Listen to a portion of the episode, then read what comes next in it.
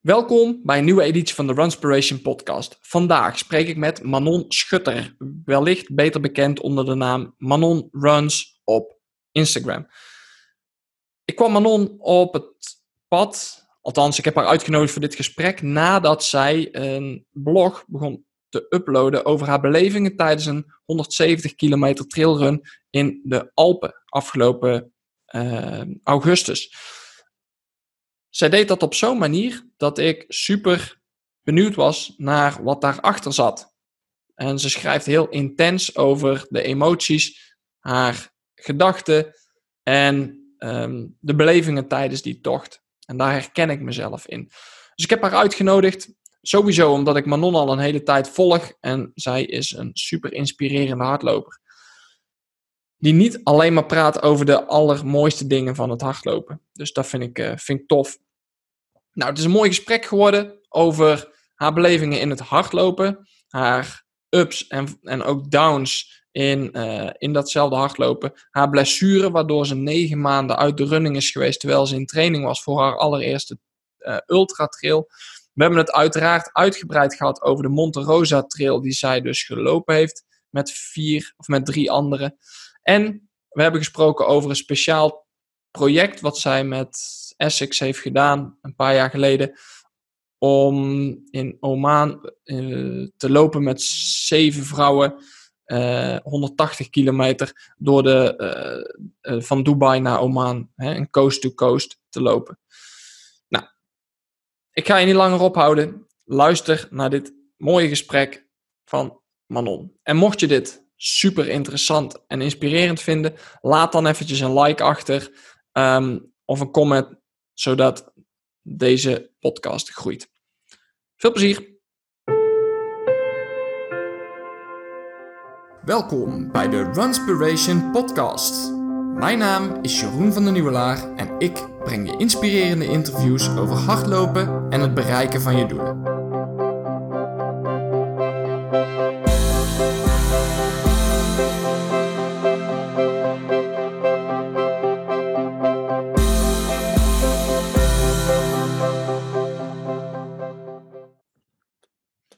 Manon, welkom in de Runspiration podcast. Dankjewel. Dankjewel voor de uitnodiging. Ja, graag gedaan. Uh, Manon, kun jij voor degene die jou, uh, die enkele ziel die jou nog niet kent uh, online, zou jij jezelf even kort kunnen introduceren?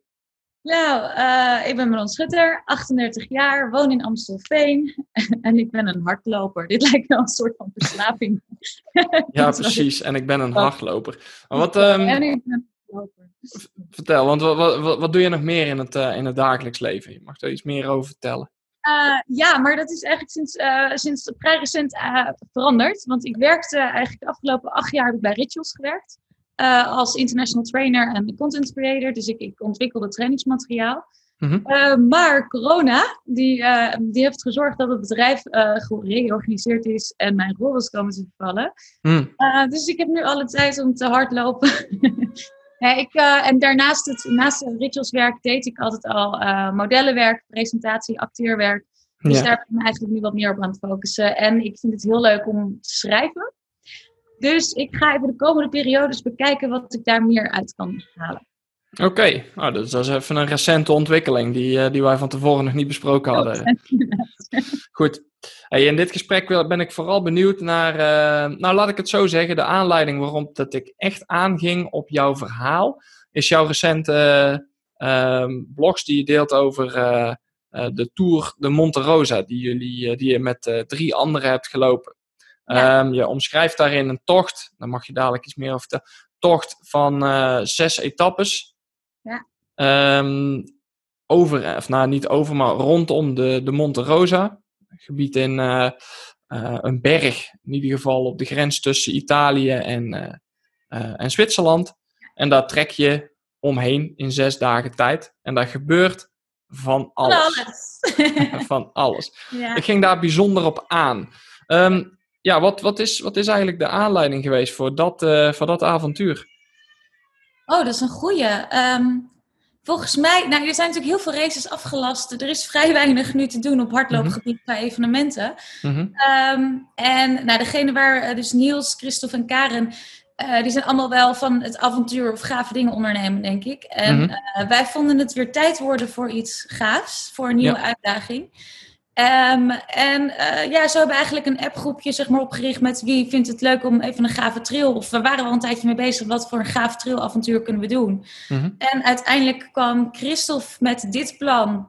Eh, in eerste instantie moet ik zeggen, schreef hij het in de appgroep. En toen wachtte ik het even af wie er allemaal aan het reageren waren. Mhm. Want ik dacht nog, er waren een paar mannen in die appgroep. Ik dacht, ja, als ik daar als enige meisje zeg maar, bij die mannen ga lopen, dan loop ik in mijn eentje op een gegeven moment. Dan denk Mhm. ik dat de bergen al op zijn en af als ik nog begin. Eh, maar toen reageerden er ook wat anderen. Toen dacht ik, dit, eh, dit durf ik wel aan. En ik had de tijd om ervoor te trainen. Dus ja, het is gewoon gaaf om zo'n avontuur en jezelf uit te dagen, denk ik. En dat, dat betekent, dat betekent dus dat dat een groepje is, zo vertaal ik het even, met eh, behoorlijk eh, fanatieke en eh, ambitieuze mensen die echt ook eh, behoorlijk fanatieke dito tijden lopen, of niet? Ja, ja, precies. Degene waar we uiteindelijk. ja, dus die, maar er zitten ook. Het is heel wisselend. Maar degene die in eerste instantie reageerde, dacht ik even. Volgens mij lopen die allemaal marathons onder de drie uur. Eh, Niels is een eh, topsporter geweest. Christophe die heeft al meerdere 100 milers of langer 160 kilometers. Die, die heeft al vaker in de Alpen gelopen. En Karin ook. Daarin voel ik, voelde ik me nog wel een rookie, zeg maar. Ja, precies, precies. Oké, en toen, hoe ging dat toen? Nou, toen durfde ik me op te geven. Jee. Eh, maar er waren toch nog twee andere meiden, waardoor het een beetje dat ik dacht, nou, dan het is heel gemeen te zeggen, dan ben ik niet de langzaamste, zeg maar. Dan, Nou, je hebt in ieder geval mensen waar je je mee kunt, eh, mee kunt meten dan. ja, precies. Maar, maar uiteindelijk eh, vielen er een aantal af, waardoor ik wel met Niels, Christophe en Karen overbleef, waarvan ik dacht, nu ben ik wel waarschijnlijk niet de sterkste van de groep. Mhm. Maar toen was ik al aan het trainen ervoor en ik dacht, eh, dit, dit moet ik gewoon doen. Ik vind het ook super gaaf en het is ook wel leuk. ehm, en soms moet ik ook iets meer in mezelf geloven. Dus ik dacht, dit, dit gaan we gewoon doen. En als ik de langzaamste ben, is het ook wel weer interessant. Wat gebeurt er dan? Hm. Hoe ga ik daarmee om? Oké. Ja. Hey, ehm, Oké, toen, toen hebben jullie een plan gemaakt. Die Ja. zijn gestart. Ja, we is een groot woord hoor. Christophe heeft vooral de organisatie op zich genomen. Die, die het ook echt super leuk vindt om te doen. Dus dat was wel Mhm. lekker. Ehm, ja, die heeft eh, een tour bedacht van zes dagen. In totaal iets van 170 kilometer. Dus dat vond ik op zich wel meevallen. Alleen Mhm. het Alpengebied eh, is heel veel hoogte. Heel veel hoogtemeters, heel veel klimmen en dalen. En, Jo. en dat, was wel, eh, dat was wel de uitdaging. Ja, Voor een Nederlands meisje. Had je van tevoren bedacht hoeveel hoogtemeters dat erin zouden zitten? Ik, ja, ja, daar hebben we wel naar. Hij, hij deelde de etappes. En eh, toen dacht ik wel, oké, kilometers, dat is prima. Als ik eenmaal ga, dan blijf ik wel gaan. Maar die hoogtemeters, daar maakte ik me wel, ook in training, wel zorgen over. Maar dat is op zich wel een goede incentive om dus hard te gaan trainen. Dat motiveert me ook wel weer om gewoon diep te gaan in trainingen. Ja, het is zo'n fine line eh, tussen eh, iets wat je ontzettend benauwd en beangstigt en eh, tegelijkertijd motiveert. Ja, precies. Het, hoort er wel een beetje bij, die spanning. Als je denkt van, oh, dit ga ik makkelijk uitlopen. Ja, dan vind ik het misschien niet interessant genoeg. Mm, dat is heel eerlijk. Ja. Ja. Dus eh, nee, die hoogtemeters heb ik wel echt eh, geprobeerd zo goed mogelijk voor te trainen. zover dat kan dus in Nederland. ja, hoe heb je daarvoor getraind überhaupt? Ehm, nou, ik had een goed trainingsschema. In eerste instantie had ik een trainingsschema van gewoon lekker rennen. En eh, daar was ik heel lang mee bezig. En op een gegeven moment... En, en dat was ook nodig. Ik was een tijdje wat iets overtraind geweest, denk ik. Dus ik had een goede basis eh, nodig. Ze hebben mij heel erg mee geholpen. En op een gegeven moment ehm, heb ik eh, een ander trainingsschema even wat intensiever. Dus ik, oké, ik heb vier weken en ik heb het gevoel dat ik even wat intensiever bezig moet. Dus een ander trainingsschema gevoel voor vier weken en die was mega intensief. Ehm, en dat was wel echt gericht specifiek op deze tour. Eh, dus zorgen dat mijn beenkracht eh, sterker werd en mijn VO2 max ehm, omhoog geramd, zeg Mhm. maar.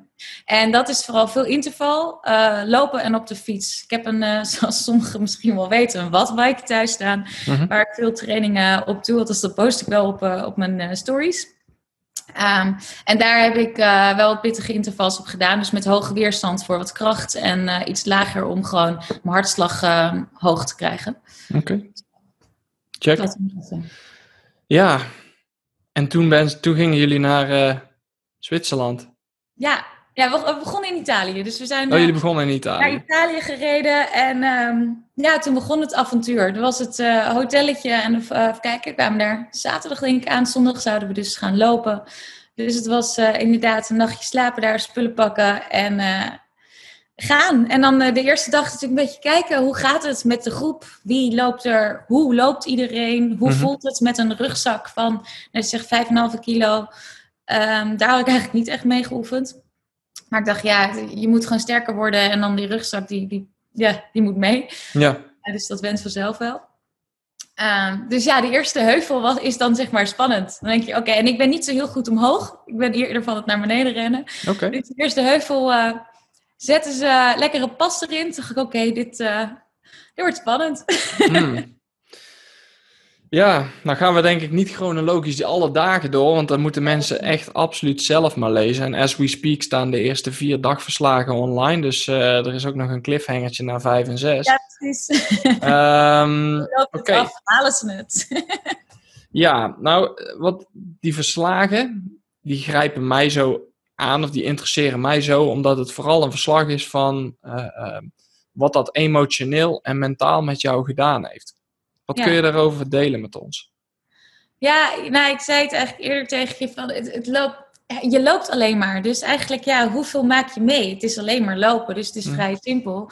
Tuurlijk maak je, zie je dingen, en, eh, maar ik denk, het lopen voor mij is vooral de ervaring. Ik denk sowieso reizen of dingen die je doet, is vooral de ervaring. Dus ja, in mijn hoofd gaat er blijkbaar enorm veel om. En, en dat is denk ik ook wel de reden waarom ik dit zo gaaf vind om te doen. Waar loop je tegenaan? Hoe ga je ermee om? Ehm, dus die hele belevenswereld van mij eh, in mijn hoofd, die, die schrijf ik vooral, eh, vooral op. Ja, en waar kom je dan op uit? Want je hoeft inderdaad alleen maar te lopen, maar wat, wat, is, dan, wat is dan de gedachtegang geweest? Van het opschrijven of van... Nee, van, eh, van, van het lopen, tijdens het lopen zelf, want het is een behoorlijk intens verslag geworden. Ja, ja dat, dat realiseer ik me denk ik tijdens het lopen niet heel erg. Want dan als je loopt, en ik denk dat mensen het ook wel herkennen als je gewoon traint. Er, je hebt altijd wel gedachten die komen en gaan. Het gaat lekker, het gaat niet lekker, eh is van alles. En daar ben ik met het lopen niet zo heel erg mee bezig. Want ik vind het juist lekker, denk ik, met die avonturen, die trails, dat je heel erg in het moment leeft. Mhm. Alleen als ik dan begin te schrijven, probeer ik mezelf eigenlijk weer helemaal terug te brengen naar dat moment. Mhm. En dan eigenlijk herleef ik gewoon de hele dag. En, en dat schrijf ik op. Ehm, dus ik, ik probeer gewoon echt terug te gaan en dan per, bijna per stap, wat ik zeggen, zeg maar, op te schrijven wat ik ervaarde op dat moment. Oké. Ehm, nou is dat niet allemaal eh, roze geur en maneschijn geweest. Hoe, eh, hoe, is de, hoe is die week jou vergaan? Ja, uiteindelijk goed. Maar ik moet zeggen, toen ik de eerste twee dagen had opgeschreven, toen dacht ik, ik moet toch op een gegeven moment ook even iets positiefs hierin melden. ik heb dat volgens mij ook ergens aan het einde van de blog gedaan. Van, het klinkt best wel heftig en alsof ik het echt niet naar mijn zin heb gehad. Maar het is ook wel een beetje de reden waarom ik het doe. Hmm. Ik vind het wel juist mooi om die dalen en die heftige dingen en het zwaar te hebben, zeg maar. D- daar doe ik het eigenlijk ook voor. Dus eh, dat vind ik er ook leuk aan, blijkbaar. Uh, maar hoe is mijn vergaan? Ja, het, het, was heftiger dan ik wel had verwacht. Ik wist dat het zwaar ging worden. Ik wist, ik dacht, ik had er mee, rekening mee gehouden dat uh, mijn benen bijvoorbeeld zwaar zouden worden of je wordt vermoeid. Want dat is vaak, je hebt niet zo heel veel spierpijn met hele lange toeren, maar wel, um, maar wel vermoeidheid. Mm -hmm. Al moet ik zeggen, in de bergen komt er ook wel wat spierpijn, heb ik uh, gemerkt bij kijken. Mm -hmm. Maar dat, dat gaat wel weer over en dan loop je wel doorheen. Um, waar ik me wat ik echt onderschat heb, is de hoog, het hoogteverschil. Dus van zeeniveau opeens een paar keer per dag richting 3000 meter hoog te gaan.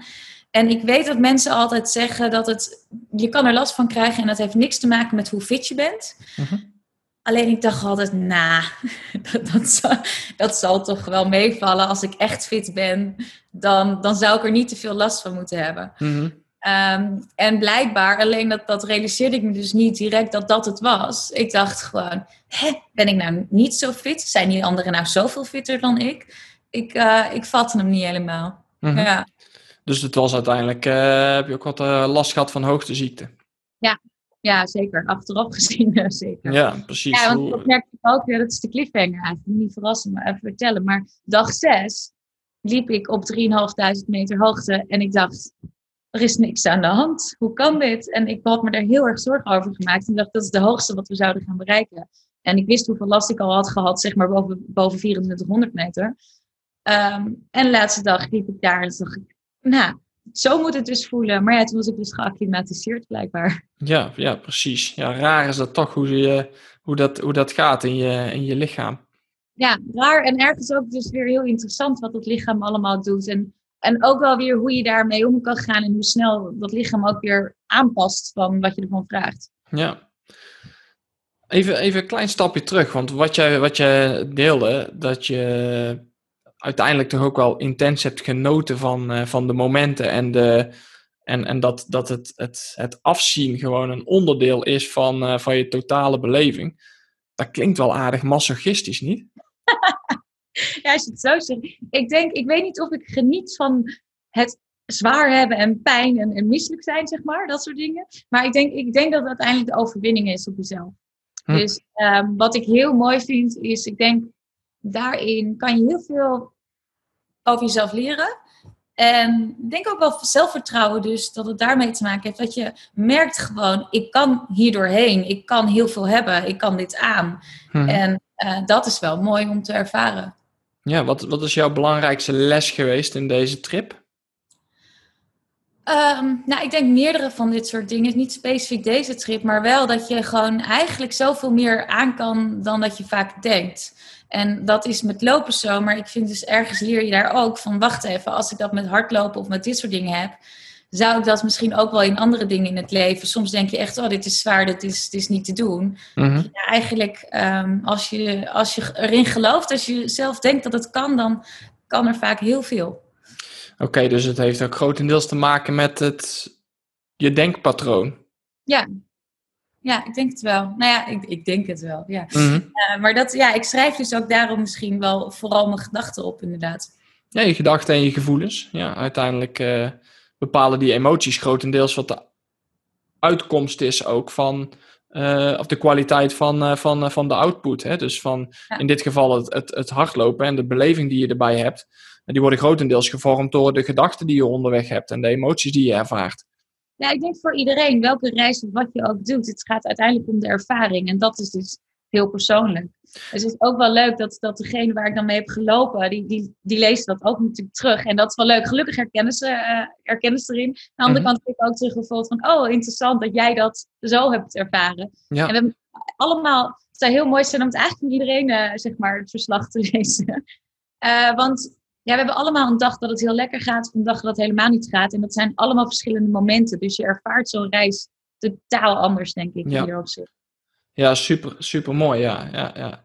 Alleen, um, kijk, het verschil tussen wat jij dan doet en wat uh, uh, vele anderen doen, is dat, dat jij zoekt het in de sport. En sport is op zich, uh, sport super mooi. Alleen daar zit natuurlijk ook altijd de component van je grenzen opzoeken in. Ja. Ik bedoel, het is niet comfortabel in een hangmat liggen en uh, denken van nou, de ervaringen die komen op me af. En goh, dit is toch een mooie vakantie geweest of een mooie trip geweest.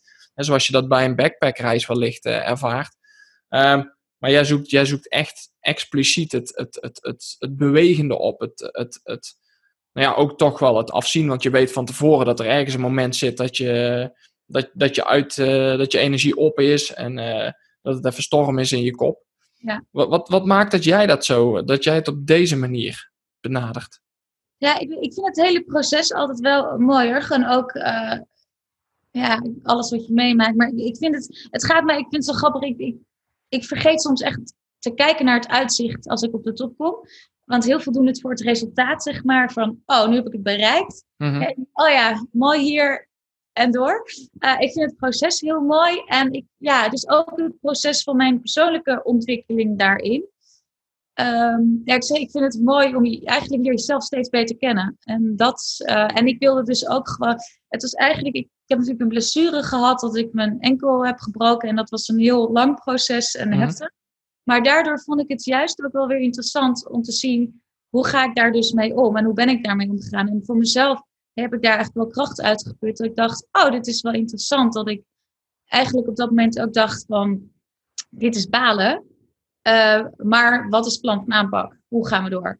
Mhm. En uh, dat wilde ik weten ook. Bijvoorbeeld met mijn eerste ultra vond ik dat heel interessant om te weten. Oké, wat als ik tegen een, het lijkt een grens aanloop. En wat ga ik dan doen? Ga ik in een hoekje zitten huilen? Word ik boos? Stop ik ermee? Of kan ik dan doorgaan? Uh, wat gebeurt er daar? Dat vind ik interessant. Ja. Hoe heb je dat, hoe heb je dat bij deze trip specifiek opgelost? Uh, oeh. Nou ja, ja, uiteindelijk is het gewoon uh, jezelf oppeppen en doorgaan. Ik had wel, op een gegeven moment dacht ik echt, poeh, begin nu wel. Ik heb dat nooit, niet eerder gehad. Ik heb dat in een eerdere trip wel gehad, dat ik dacht, dit doet mega pijn. Ik weet niet of ik door kan. Knoppen om ergens in de zon gaan zitten en, en gaan. Uh, nu was het een heel andere, want het was niet zozeer alleen fysiek. Het was gewoon, eh, het tastte me, ik denk omdat het een langere periode en iets ongrijpbaars was voor mij, dat ik dus die hoogteziekte had dat ik echt wel begon te twijfelen ook aan mijn mentale kracht. Oké. Ehm, wat ook wel weer heel bijzonder en interessant is. Um, en dan heb je natuurlijk ook wel mensen om je heen die je daarin helpen en steunen. En dan merk je ook dat dat, het is, je doet het nooit helemaal alleen, dit soort dingen, denk ik. Um, dus ja, heb ik dat opgelost? Uiteindelijk gewoon doorgaan. Ja, oké. maar Geen keuze hebben Ja, het, klinkt, het, klinkt zo, het klinkt zo makkelijk. Hè? Je zet even een andere intentie. Je, je kijkt er weer positief naartoe en je, en je gaat ervoor. Maar als ik zo lees hoe jullie op dag vier uh, toch echt wel met z'n vieren ook uh, behoorlijk uh, diep zaten. Je ja. bent dan net over de helft van de trip en de helft die komt nog. jullie hebben echt wel kou en, en, en storm meegemaakt. En al een paar dagen dat je niet kon, niet of nauwelijks hebt gegeten. Ja. Uh, slecht geslapen. Dus ja, we kunnen ons allemaal een voorstelling maken bij hoe uitdagend dat het dan is om de vierde dag de hut uit te stappen. Om toch je meters te gaan maken. Maar wat, wat is het dan? Kun je terughalen wat nou specifiek hetgene ja. was wat jou er dan doorheen? Ik buiten en ik stond echt te rillen van de koud. Terwijl het helemaal niet zo koud was. Dus ik was, ik was wel echt niet lekker. Um, ik denk dat dan ga je het anders aanpakken. Mentaal ga je dan jezelf misschien een beetje voor de gek houden. Ik dacht gewoon uh, we hadden een regel uiteindelijk verzonnen. Het eerste uur telt niet. Mm. Um, dus je moet op zijn minst een uur proberen.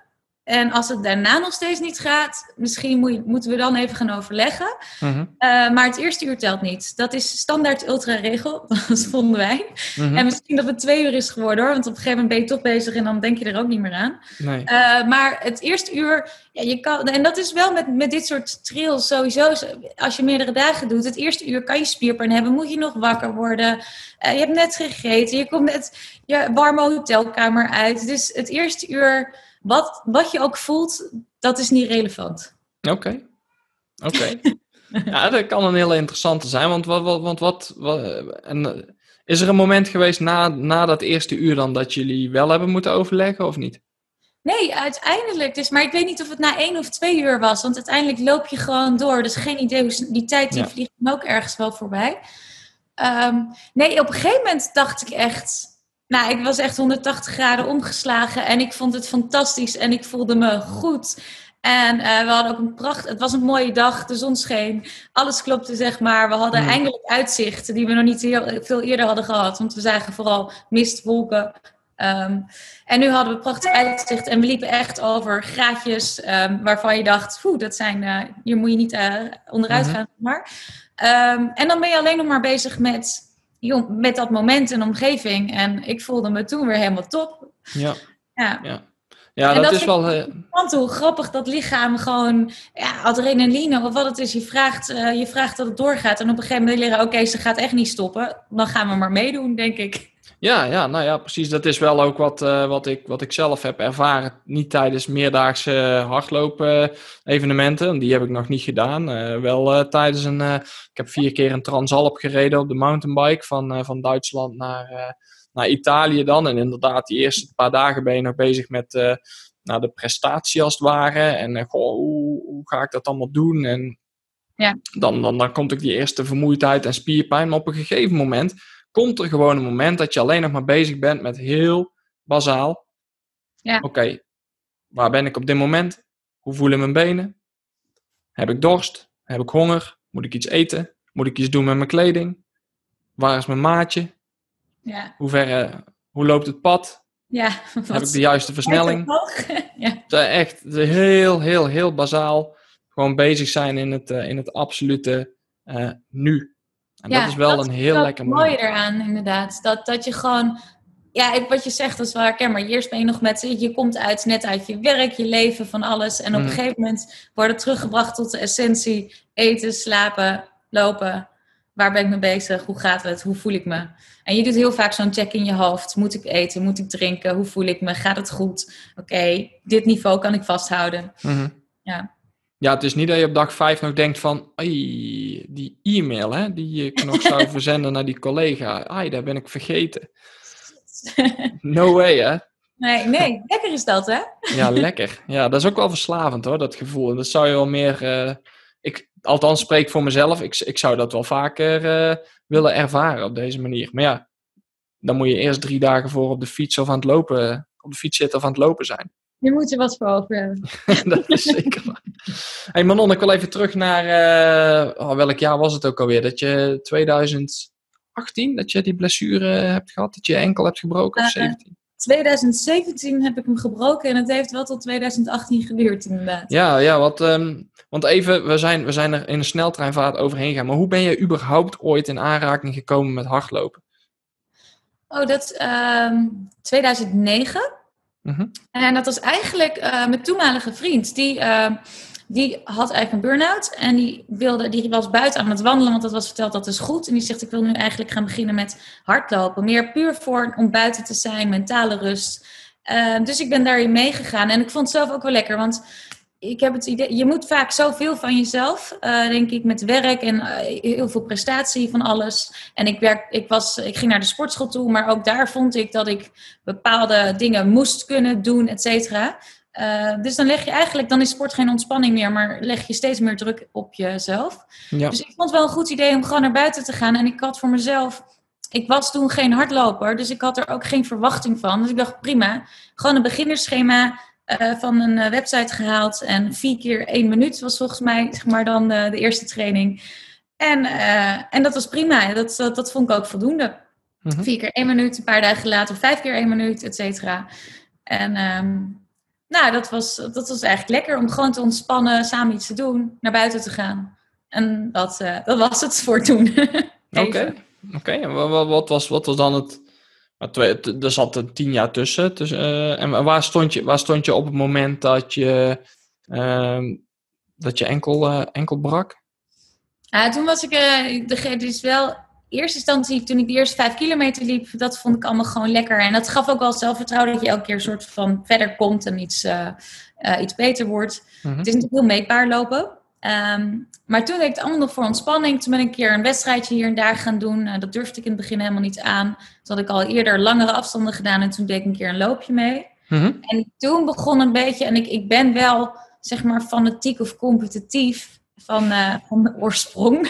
Joh dat zit erin. Dus uiteindelijk, als je er maar beter in wordt en door mee gaat, dan komt dat er wel uit. Dus ik heb toen eerst heel veel halve marathons gelopen. En ik durfde me eigenlijk nooit op te schrijven voor een hele marathon. Dat, uh, dat vond ik echt zo'n mega afstand. En, dus ik heb echt mega veel halve marathons. Ik weet eigenlijk niet hoeveel. Halve marathons gelopen. Ik heb zelfs 30 kilometers gelopen in training. Maar ik durfde me in eerste instantie niet op te geven voor een marathon. Hmm. Uh, toen ik twee keer een 30 kilometer heb gelopen, toen heb ik me niet opgegeven voor een marathon. Maar ik liep toen met de running junkies en die gingen opeens allemaal marathons lopen. Terwijl ze daarvoor allemaal alleen maar halve marathons deden. zei ik, nou ja, als iemand uitvalt en er een startbewijs overblijft, dan durf ik die over te nemen. Ja, maar dus een week later valt natuurlijk iemand uit en dan ja, krijg je startbewijs. Ja, zo gaan dat soort dingen. En dan loop je toch al die 30 kilometer die iedereen loopt in voorbereiding op de marathon. Ja, dus eigenlijk was ik er toen al klaar voor om een marathon te lopen. Uh, nee, het, het, het, verhaal gaat, gaat nog verder. Nog beter. Mooi. Ja, Kom maar op. Nee, ik, had, um, ik zou dan een trainingsschema krijgen. Um, zeg maar twee, drie maanden. Of, ik had nog een tijdje. Dus ik zou een trainingsschema krijgen voor een, een, een, marathon, uh, een marathonschema. En ik was al bang voor dat trainingsmarathonschema, trainingsschema, zeg maar. Dus ik dacht, ik moet klaar zijn voor dat trainingsschema. dus ik ben nog iets harder gaan trainen om te kunnen beginnen aan een trainingsschema. Ja. Eh, toen ben ik aan het trainingsschema begonnen. En ehm, uiteindelijk, ja, ik vond toen niet dat ik overtraind was geraakt. Maar ik misschien, ik zei, volgens mij ben ik ergens door mijn enkel gegaan. Er was in ieder geval iets met mijn enkel. Ik heb die eerste marathon, het zou Berlijn worden, helemaal nooit gelopen, want ik was geblesseerd. Hm. Eh, dus toen heb ik wel een half jaar later heb ik dan Rotterdam Marathon als eerste marathon gelopen.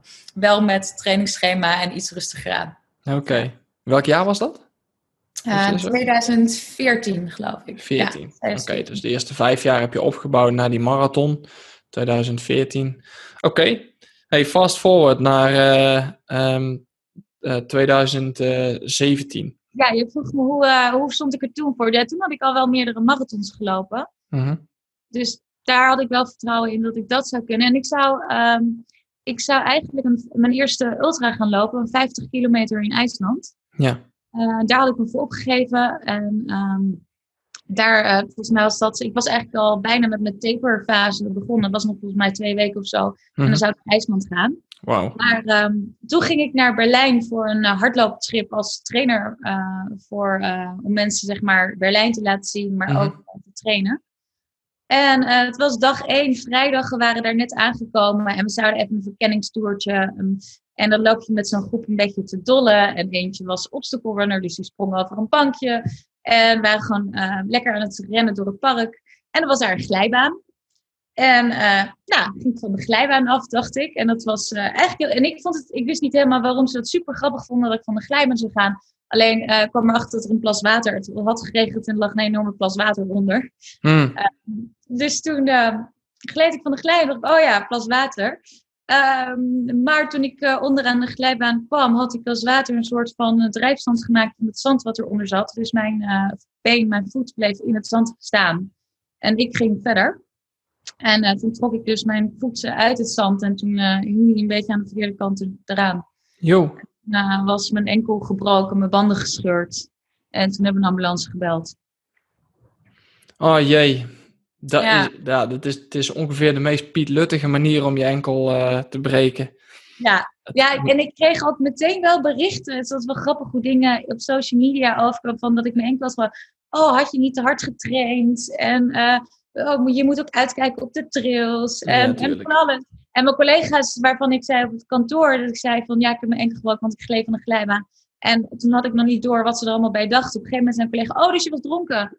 Dacht ik, Oh ja, nee, dat was het ook niet eens. Nee, niet eens. Het is gewoon echt de meest lullige situatie in een, een, een, een lollig moment. Ehm, eh, onoplettendheid, eh, whatever. Ja, maar Oh, Het is gebeurd. hij dan ook niet een rare beweging gemaakt. Dus dat is gewoon domme, dom pech. ja, daarom heet zoiets een ongeluk. Dus ja, en dan, eh, Maar ja, toen, toen, viel, toen viel jouw droom van de eerste ultra ook even in duigen. Ja. En dat heeft echt wel een tijdje geduurd hè, voordat jij weer eh, op de been was. Letterlijk. dat heeft, ja, uiteindelijk eh, na negen maanden pas daarna, dus dat is juni, dus negen maanden later, ehm, liep ik pas weer voor het eerst eh, een stapje hard, zeg maar. Echt, maar vier keer één minuut weer een beginnerschema weer. Oké. En, dan en waar begin je dan weer? Nou ja, uiteindelijk, ik, ga natuurlijk, ik had een aantal operaties gehad en je loopt bij een orthopeed en een fysiotherapeut al vanaf het begin. Mhm. Ehm, dus je bouwt het uiteindelijk wel, wel op. Ehm, het is niet zo dat je uiteindelijk, want ik had in een rolstoel gezeten een aantal maanden, het is niet dat je vanuit de rolstoel in één keer weer gaat proberen hard te lopen. Nee. Uh, maar het is uh, eerst op krukken, dan ga je wandelen. Um, ik heb op zo'n loopband de Alter G. Daar kan je je Ja. lichaamsgewicht eigenlijk op aanpassen. Dus je kan Mhm. met 20% van lichaamsgewicht kan je hardlopen. En dat bouw je op tot 80, 90%. En dan ga je eens op een zachte ondergrond uh, proberen echt hard te lopen buiten. Ja. Oké. Ja. En, maar er stond. Hoe, hoe heb je uiteindelijk. eh, ja, goed, ik- wil, ik wil Er toewerken stond naar nog niks op de planning, als je dat bedoelt. Wat, wat stond er toen op de planning voor je? Toen nog niks. Uh, maar wat ik ergens, ik weet niet meer wanneer ik het, ik dacht wel, ik moest nog, ik had last, ik had nog een plaatje in mijn uh, been met, met zes schroeven. Mhm. En um, dat kan er normaal, bij heel veel mensen kan dat er ook in blijven zitten en dat wordt vaak ook voor gekozen. Als je veel sport of dingen doet, dan uh, is het toch fijner als het eruit gaat, omdat het toch wel wat irritatie, vooral voor mij had, gaf het best wel wat irritatie. Dus mijn enkel werd elke keer dik als ik te veel bewoog. En dat is niet handig, want ik hou wel van veel bewegen. Ja. Uh, dus ik wist dat dat plaatje zou er nog uit worden gehaald, maar ik moest eerst weer even terug en fit zijn. Dus mijn doel was eigenlijk dat voor die operatie zou plaatsvinden, wilde ik voor mezelf ook weer een beetje het gevoel hebben, ik ben terug. Mhm. Dus ik had voor mezelf wel een soort doel gesteld dat ik de marathonafstand wilde lopen voordat ik weer geopereerd zou worden. Een beetje fit noemt ze dat. ja, ja. Dames en heren, Manon noemt dat een beetje fit. Oké, ga door. Maar Manon was ook doodsbang voor de marathon voor jaren. Dus ja, Hmm. zo verander je weer perspectief elke keer. Ja. Ja. Oké, maar toen plaatje, plaatje mocht, ja, eh, fast forward, plaatje mocht eruit. Ja, ik had daarvoor dus eh, wel een 43 kilometer in Zweden een trail gelopen. Mhm. En daarna mocht dat plaatje er dan uit. Maar in diezelfde periode, of eigenlijk toen die operatie net gepland was, toen kreeg ik in één keer een e-mailtje van Essex Frontrunner. En volgens mij wisten ze helemaal niet dat ik die operatie nog eh, zou krijgen. Dus dat was voor die operatie trouwens, dat ik dat mailtje kreeg. Mhm. In dat e-mailtje stond eh, iets met, we hebben een mooie uitdaging. Nee, je krijgt deze e-mail omdat we denken dat je dit wel kunt. En toen volgde het ehm, plan dat, we, dat het ging over van Dubai naar Oman hardlopen door de woestijn, 180 kilometer in vier dagen. Oké, Dat had ik nog niet eerder gedaan. nice. Maar er stond wel, ze dachten dat ik het kon. Dus dacht ik, ja, als zij dat denken. Ik, ja, in eerste instantie dacht ik wel, dit is wel heel vet en een unieke ervaring. Eh, en toen dacht ik, oké, zij denken dat ik het kan. Toen heb ik wel een omgeving ook gevraagd en ook aan de orthopeed. Ehm, en ik had eh, een orthopeed die topsporter is geweest. Dat Oké, scheelde wel. gelukkig. Want anders dan zeggen ze sowieso bij voorbaat nee, denk ik. En Mhm. zij zegt, nou, je voelt het zelf wel aan. Je kan proberen, ga ervoor trainen. En eh, je merkt zelf wel hoe het gaat. Eh, wees wel voorzichtig. Wees wel eerlijk naar jezelf. Ehm, maar toen dacht ik, nou ja, dan ga ik er gewoon voor trainen. Dus, eh, alleen ik wist dus dat ik nog een operatie moest eh, te gaan had. Dus ik wist wel dat ik iets alternatief moest gaan trainen. Want Mhm. ik wou niet eh, opensnijden, dicht stikken en weer door, zeg maar. Nee, Dus ik heb veel op de fiets gedaan qua trainingen. oké. Maar goed, uiteindelijk ben je daar. Hoe, hoeveel tijd zat er tussen die operatie en het moment dat je in Dubai mocht verschijnen?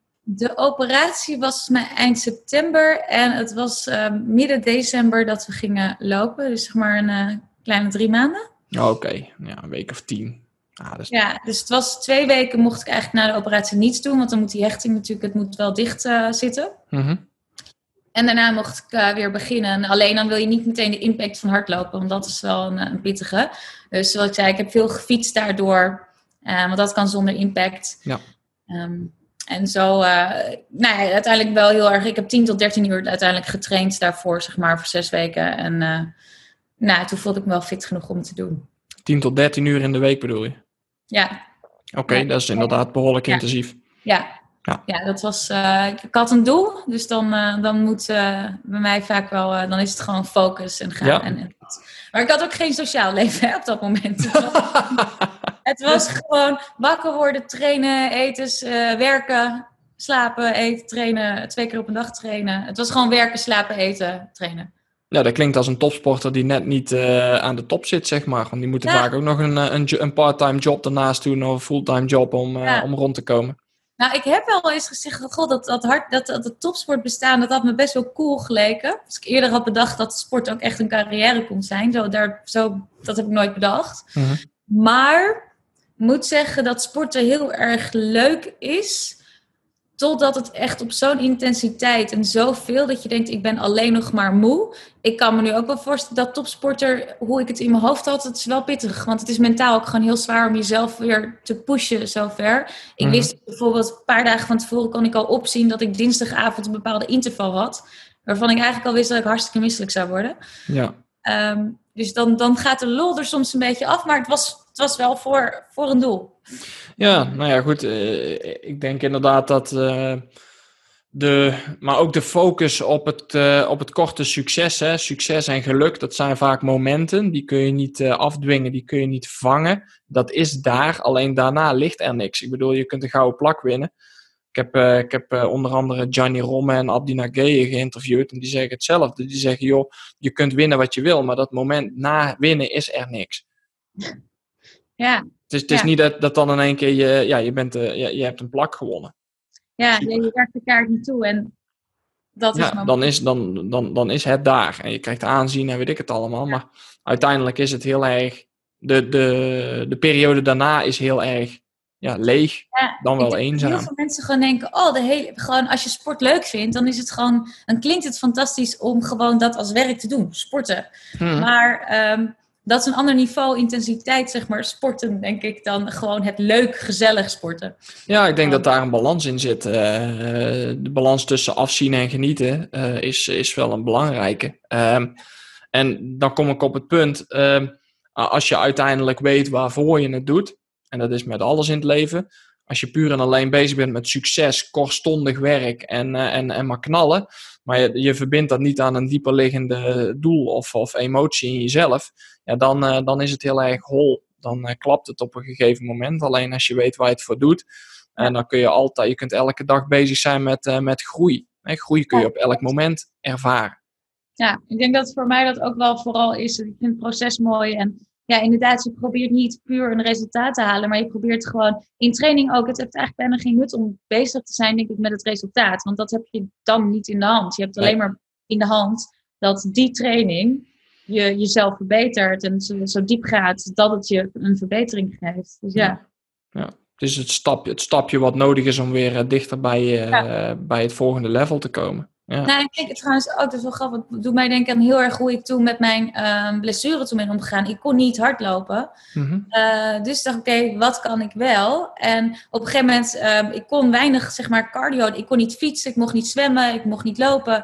Dus er valt heel veel, zeg maar, de standaard alternatieven voor een hardloper vielen zeg maar ook al af. Ja. Um, en toen dacht ik, ja, waar kan ik mijn hartslag mee omhoog? Wat kan ik wel? Dus het was natuurlijk veel in de sportschool gewoon trainen. Toen dacht ik, mhm. oké, er zijn een paar dingen waar ik gewoon niet zo goed in ben. En wat me misschien wel een betere loper kan maken. Dus ga ik me daar maar op focussen. En uiteindelijk uh, kon ik pistol squats. Nee, alleen op rechts natuurlijk. Mm maar of, uh, optrekken kon ik nooit. Dus dacht ik, nee, dat is een mooi... Ik had elke keer zeg maar kleine projectjes waar ik dan aan het werk was. En dat helpt je wel. In plaats van dat je alleen maar bezig bent met ik moet straks weer hardlopen. Ja, nou goed, dat, treft. Vrouwen die pull-ups kunnen, ja, dat is wel. Uh, ik weet niet of ik het nog kan hoor. Een mate van sexiness. Dat is wel, uh, ja, dat is, dat is goed. Ah, shit, Hartstikke ik ga weer trainen. Harder trainen, seksen. Check. Ik, hey, ik wil even terug, even, even terug naar, naar Oman. Want je hebt, wat, wat, wat ben je daar toen, of Oman, Dubai, Oman, wat ben je daar gaan doen? Want dat had een speciale, speciaal thema, toch? Um, nee, dat was vanuit Essex Frontrunner bedacht. En uh, Xavi was daar uh, community manager in Dubai. En die kwam met die route. En dat was inderdaad zeven vrouwen um, uit zeven verschillende landen bij elkaar om dat samen te doen. Dus ja, ik denk wel, dat het was niet echt een uitgesproken diepe reden, zeg maar. Maar ja, zeven vrouwen in een land als dat, heeft, dat, dat geeft wel wat aan, denk ik. En dat heeft wat te maken met, dit kunnen wij en de vrijheid. En, en ik vond het ook wel spannend. Ik denk, ja, mag je in Oman, zeg maar, eh, in een kort broekje en een t-shirtje? Is dat, is dat oké? Hoe worden we aangekeken? Maar uiteindelijk alleen maar positieve reacties ik onderweg gehad. En ja, natuurlijk hebben we bekijks, zeg maar, denk ik. Want we liepen met zeven meiden in korte broekjes, dames met blonde haren en alles. Ehm, zeg maar, langs de snelweg. Ja. dus dat valt op. Maar dat had ook in Nederland opgevallen, denk ik. ja, als je in Nederland langs de snelweg gaat lopen, dan valt het ook op. Nee, maar hebben jullie, hebben je daar richtlijnen voor gehad, wat je wel en niet aan kon trekken? Of, uh, of uh, ja, we hebben het er, nou ja, Essex, uh, vanuit Front, Essex Frontrunner hebben zij ons gewoon kleding gegeven, zeg maar, voor. Want het was uiteindelijk ook dat Essex het gebruikte voor hun, zij, we kregen een filmploeg mee, of dan tegen twee jongens, één deed fotografie en een video. En daar is een documentaire voor gemaakt. Mm -hmm. En um, ja, die, die uh, dus Essex heeft voor ons materiaal gegeven, de schoenen. Het ging eigenlijk voor Essex ook om de schoenen te highlighten. Uh -huh. En uh, we kregen kledingsetjes. En er is toen wel over nagedacht van laten we geen uh, topjes zonder mouw, maar wel een mouwtje. -huh. Dus hmm. even schouders. Dus het was een t-shirtje en een korte broek. En misschien niet te kort shirt, shortje, zeg maar. Dat, ja, oké. Okay. Ja. Check. Oké, waar gaat die documentaire over? Het is boven 30 graden, dus je wil ook geen lange broek en zo. Nee, dat, dat, kan ik me iets meer voorstellen. Hey, waar um, uh, gaat de docu puur en alleen om, om het uh, highlighten van de producten? Of is het ook iets, uh, heeft hij heeft ook een, een, een andere... Ja, uiteindelijk natuurlijk vanuit marketingperspectief was het wel het, het highlight van de schoen. Alleen... Um, Nee, als je het verhaal kijkt, is dat bijzaken. Als je het verhaal kijkt, uh, zie je een keer een schoen in beeld omdat we die toevallig aan hebben. Maar mhm. gaat het natuurlijk gewoon over uh, het avontuur, de tour die wij. Het, wat ik heel graag. Je hebt gewoon super mooie beelden hebben ze gemaakt van de omgeving. Want ik wist eigenlijk ook niet dat het zo mooi was daar. Ik, mhm. Ja, ik denk gewoon aan, aan zand. Ja. Ehm, maar we hadden zand ook, maar bergen en... Um, en het gaat meer over zeven meiden met elkaar op pad. Dat is ook altijd wel interessant. Hoe gaat dat? Dat is ook, ook wel spannend. dynamiek, ja. Hoe gaan we met elkaar allemaal kunnen opschieten? Zeven culturen. Uh, dus dat, uh, daar gaat het ook wel gewoon over. Oké, okay, check. Hey, als mensen die willen volgen waar, uh, of willen, willen, willen zien, kunnen ze die nog ergens uh, Ja, ik heb sowieso mijn linkje in mijn, uh, mijn bio op Instagram. Maar het is essex.tv coast to coast, of slash coast to coast. Mm -hmm. Two met een tweetje. Oké, okay. check. Makkelijk Essex, coast to coast. Oké, okay. hey Manon, um, ja top. Als mensen, iets, als mensen meer van jou zouden willen weten, waar moeten ze dan zijn? Uh, ik denk dat ik het meest actief ben op Instagram. Dus dat mm -hmm. is Manon underscore runs. Ja. Manon rent. Manon rent. Manon runs. Alright. Um, zijn er nog zaken die onderbelicht zijn gebleven en die we wel hadden moeten aantikken? Vast. Nee, geen idee. Ongetwijfeld. Ja, leuk. Ja, grappig. Hey, um, Oké, okay, dankjewel voor het gesprek dan. En dan um, wens ik je heel veel succes. Wat is het volgende dat op de planning staat? Oeh, um, nou, ik ga volgende week naar Zweden voor een 43 kilometer trail, die ik dus al eerder heb gedaan, voordat ik uh, geopereerd werd. En nu moet ik die tijd gaan verbeteren, wat sowieso al moet lukken. Oh. Uh, dus nu wil ik hem wat fanatieker lopen. En daarna staat het allemaal nog vrij. Maar uh, we vonden wel met het groepje waar we in de Alpen mee hebben gelopen, de Tour Monte Rosa, ja, zijn wel weer plannen aan het smeden dat er toch wel een nieuwe, nieuwe gave tour moet komen. Maar ik weet niet hoe snel dat gaat gebeuren. Tour Mont Blanc. Grand Paradiso, er zijn wel wat mooie gebieden. Ja, er zijn wel wat uh, mooie, mooie rondes te maken. Goed, ik, hou het in de gaten. Ik zou nog maar dat, volgens mij mag ik er nog niks over zeggen. Dus, oh. uh, kijk, dat degene, Xavi die um, onze Coast to Coast in Dubai heeft gepland, die benaderde me toevallig afgelopen week over dat hij het wel leuk vindt om weer zoiets te plannen, maar dan misschien met juist hele andere omstandigheden, dus aan de andere kant weer van de wereld. Uh, dus ik zei meteen doen. Dus uh, lijkt me heel gaaf als dat ook van, uh, Wauw, goed. Nou, mocht je daar meer over, over kunnen vertellen, dan zal het ongetwijfeld op jouw Insta voorbij komen. Dus volg Manon, jongens. Manon, dankjewel voor je bijdrage. Ik vond het fantastisch leuk om je gesproken te hebben. Wij kennen elkaar eigenlijk helemaal niet. En toch hebben we een fantastisch leuk gesprek gehad. En zo ontstaat zoiets nou, uh, nou eenmaal. Je hardlopen verbindt, hè? Zo is dat. Dankjewel. Ja, bedankt. Deze podcast wordt mede mogelijk gemaakt door Activations. Ben jij een gemotiveerde hardloper die blessurevrij en topfit aan de start van de volgende wedstrijd wil staan? Wil je in korte tijd veel resultaat boeken? Laat je dan door mij coachen. Ik heb een gratis cursus blessurevrij hardlopen. Ik organiseer groepsprogramma's en voor hardlopers die direct resultaat willen zien, bied ik één op één programma's. Kijk voor alle mogelijkheden op www.activations.nl.